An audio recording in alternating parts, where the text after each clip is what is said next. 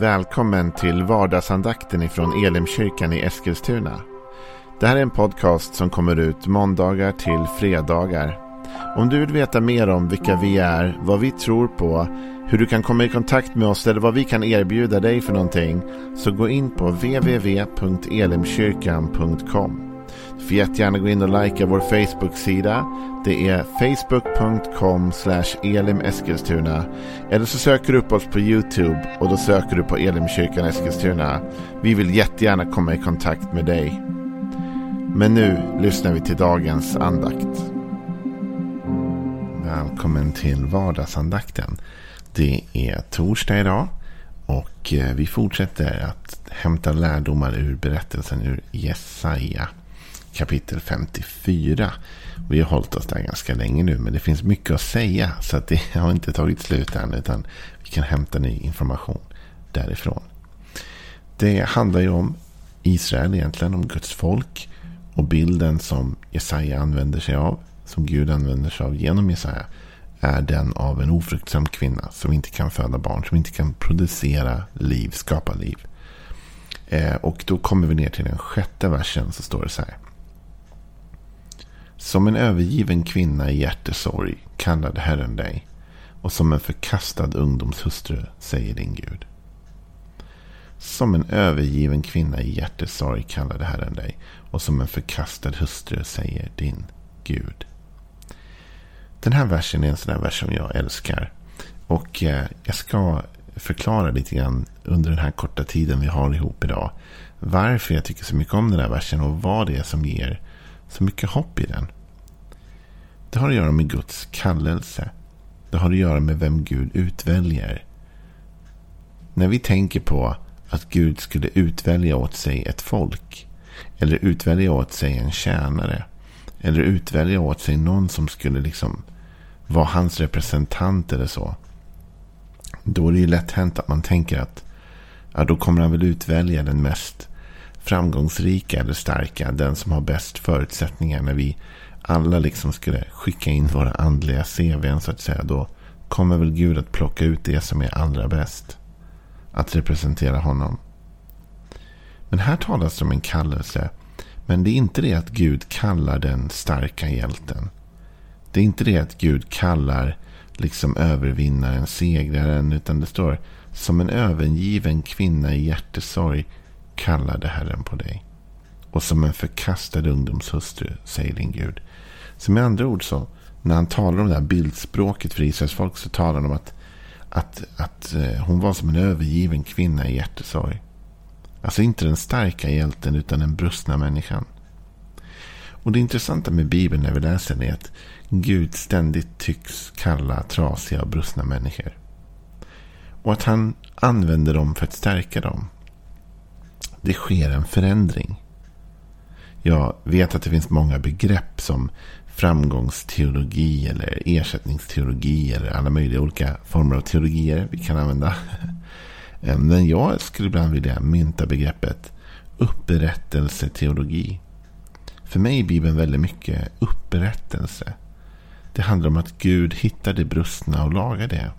Det handlar om att Gud tar det svaga och gör något starkt av det. Det handlar om att Gud kallar det som ingen annan tycker är någonting och gör något fantastiskt av det.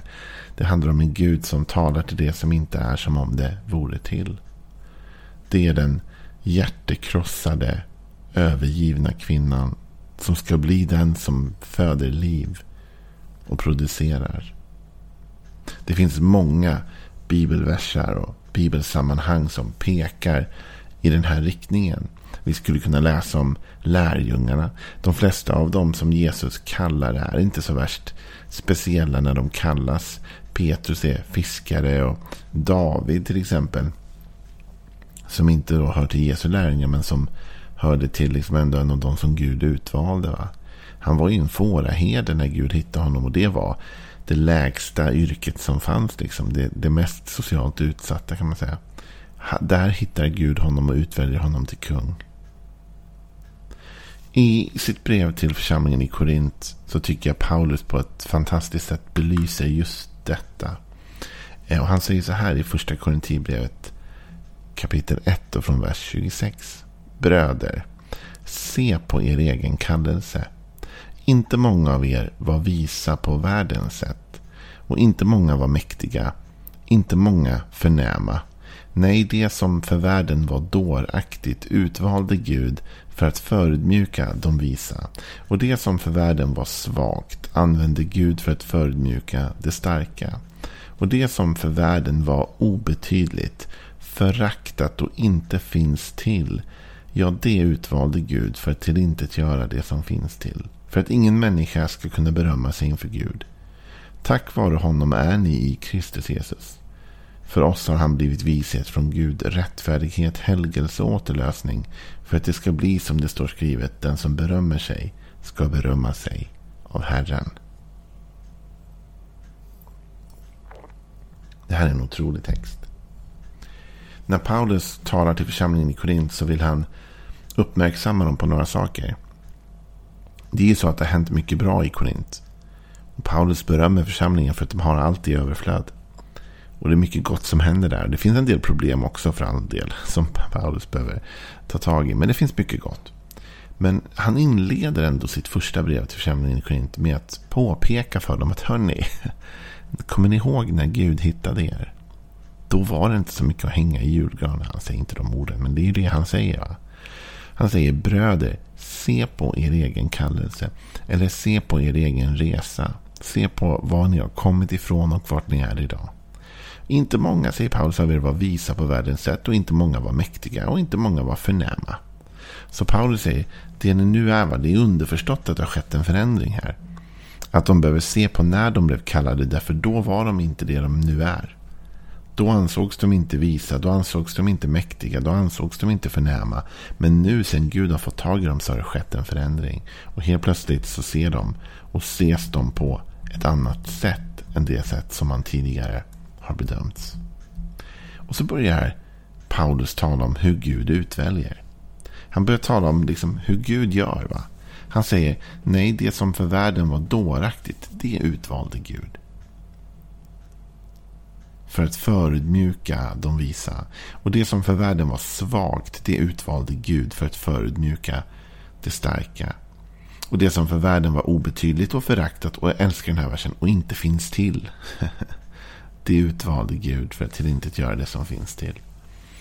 Alltså Gud tar det svaga. Gud tar det som folk betraktar som dåraktigt, obetydligt, föraktat. Det som inte ens finns till, det använder Gud för att till inte göra det som finns till.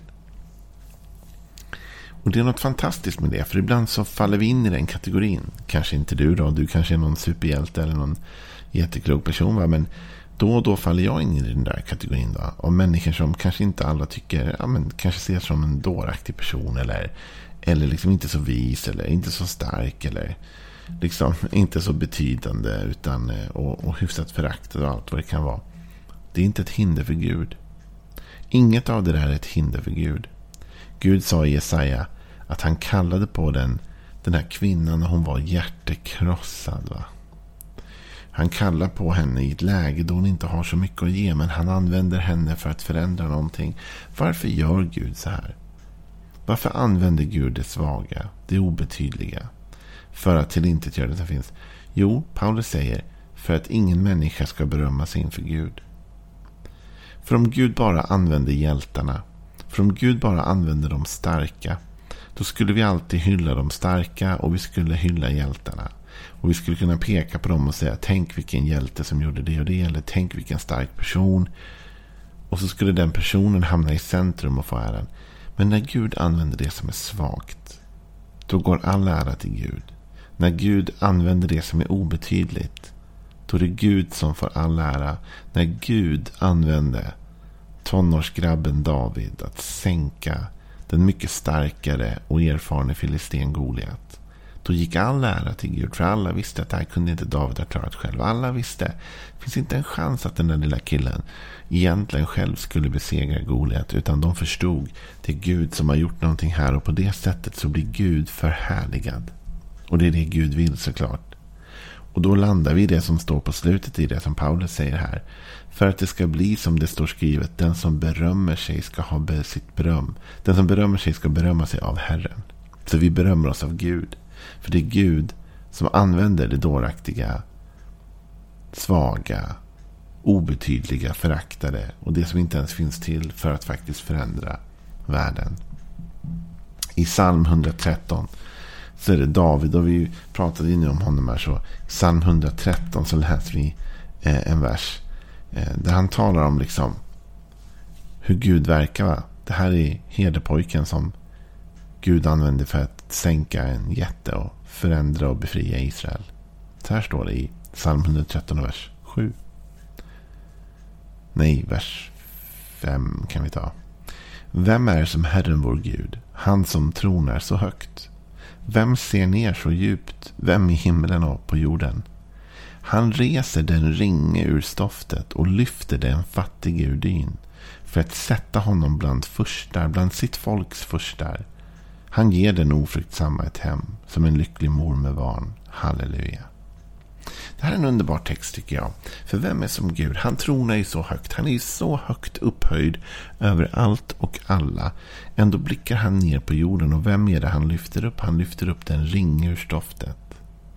Inte att han upphöjer hjälten eller den starke. Eller den, utan den ringe. Han upphöjer den ringe ur stoftet och lyfter den fattige ur dyn. För att sätta honom bland förstar. Så det finns en förändring här. Där Gud lyfter upp den svage, den fattige. Och har en plan, en tanke. Att flytta den personen från svagheten, fattigdomen. Till en position av regerande som förstarna gör.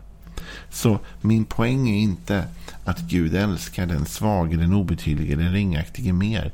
Eller att det är det stadiet eller vi ska försöka hålla oss i. Utan poängen är att Gud vill ta dig från där du är till en mycket bättre plats. Men Gud vill inte vänta tills du är någon hjälte eller tills du kan hantera situationen själv. Gud vill ta dig från ringhet till storhet. Från obetydlig till betydlig. Från fattig till rik. Från svag till stark. Och han vill få äran för detta. Han vill ta oss där. Han kallar oss inte när vi är på toppen. Han kallar oss när vi är på botten. För att lyfta oss till toppen. Och det där är så viktigt. va? För ibland får vi för oss att vi måste vara på toppen för att Gud ska kalla oss. Vi måste vara färdighelgade. Vi måste vara lyckade. Vi måste vara perfekta för att Gud ska vilja använda oss. Men enligt Bibeln så fångar Gud oss när vi är på botten. Och sen lyfter han oss upp. Ja, det finns ett upplyftande. Ja, det finns en väg upp till toppen. Ja, det är Gud vill att du ska komma högre. Gud vill att du ska komma längre. Gud vill göra det goda i ditt liv. Men han väntar inte tills vi har nått någon sorts topp. Det är ju han som för oss till toppen. Och när vi väl kommer dit så har vi inget annat val än att bara ge all ära till honom. För vi får säga, ja hit kunde jag inte ha tagit mig själv. Du vet när Gud hittade mig, då var det inte mycket med mig. När Gud fann mig, då var jag på botten. Men nu, jag har några sådana vänner. Som verkligen har varit nere på botten. Och som idag är på toppen. Idag är de människor som folk ser upp till och längtar att vara som. Och drömmer om att få byta liv med kanske. Men så var det inte alltid. Och ibland när jag pratar med dem på telefon så gläds vi över vad Gud har gjort. Och så kan man säga, kommer du ihåg? Kommer du ihåg hur det var när Gud hittade dig? Kommer du ihåg att du var så på botten men nu är du så på toppen. Och vem är det som har fört dig från punkt A till punkt B? Det är Gud. Och så föds en glädje och så föds en tacksägelse. När vi ser att Gud kan ta en människa från botten till toppen. Från att vara obetydlig till att bli betydlig. Från att vara fattig till att vara rik. Från att vara svag till att vara stark. Från att vara ensam till att vara gemenskap. Så vad är det jag vill ha sagt till dig idag? Gud vill använda dig och han, du behöver inte vänta på en kallelse när du är på topp. Gud vill kalla dig nu. Han kallar dig mitt i den svaghet du är nu. Och vi läser vad Gud sa till Jesaja. Som en övergiven kvinna i hjärtesorg kallade Herren på dig. Och som en förkastad ungdomshustru säger din Gud. Så låt oss vila i de orden idag. Låt oss nå till toppen, men låt oss aldrig glömma varifrån vi kom. Det är Gud som har lyft oss.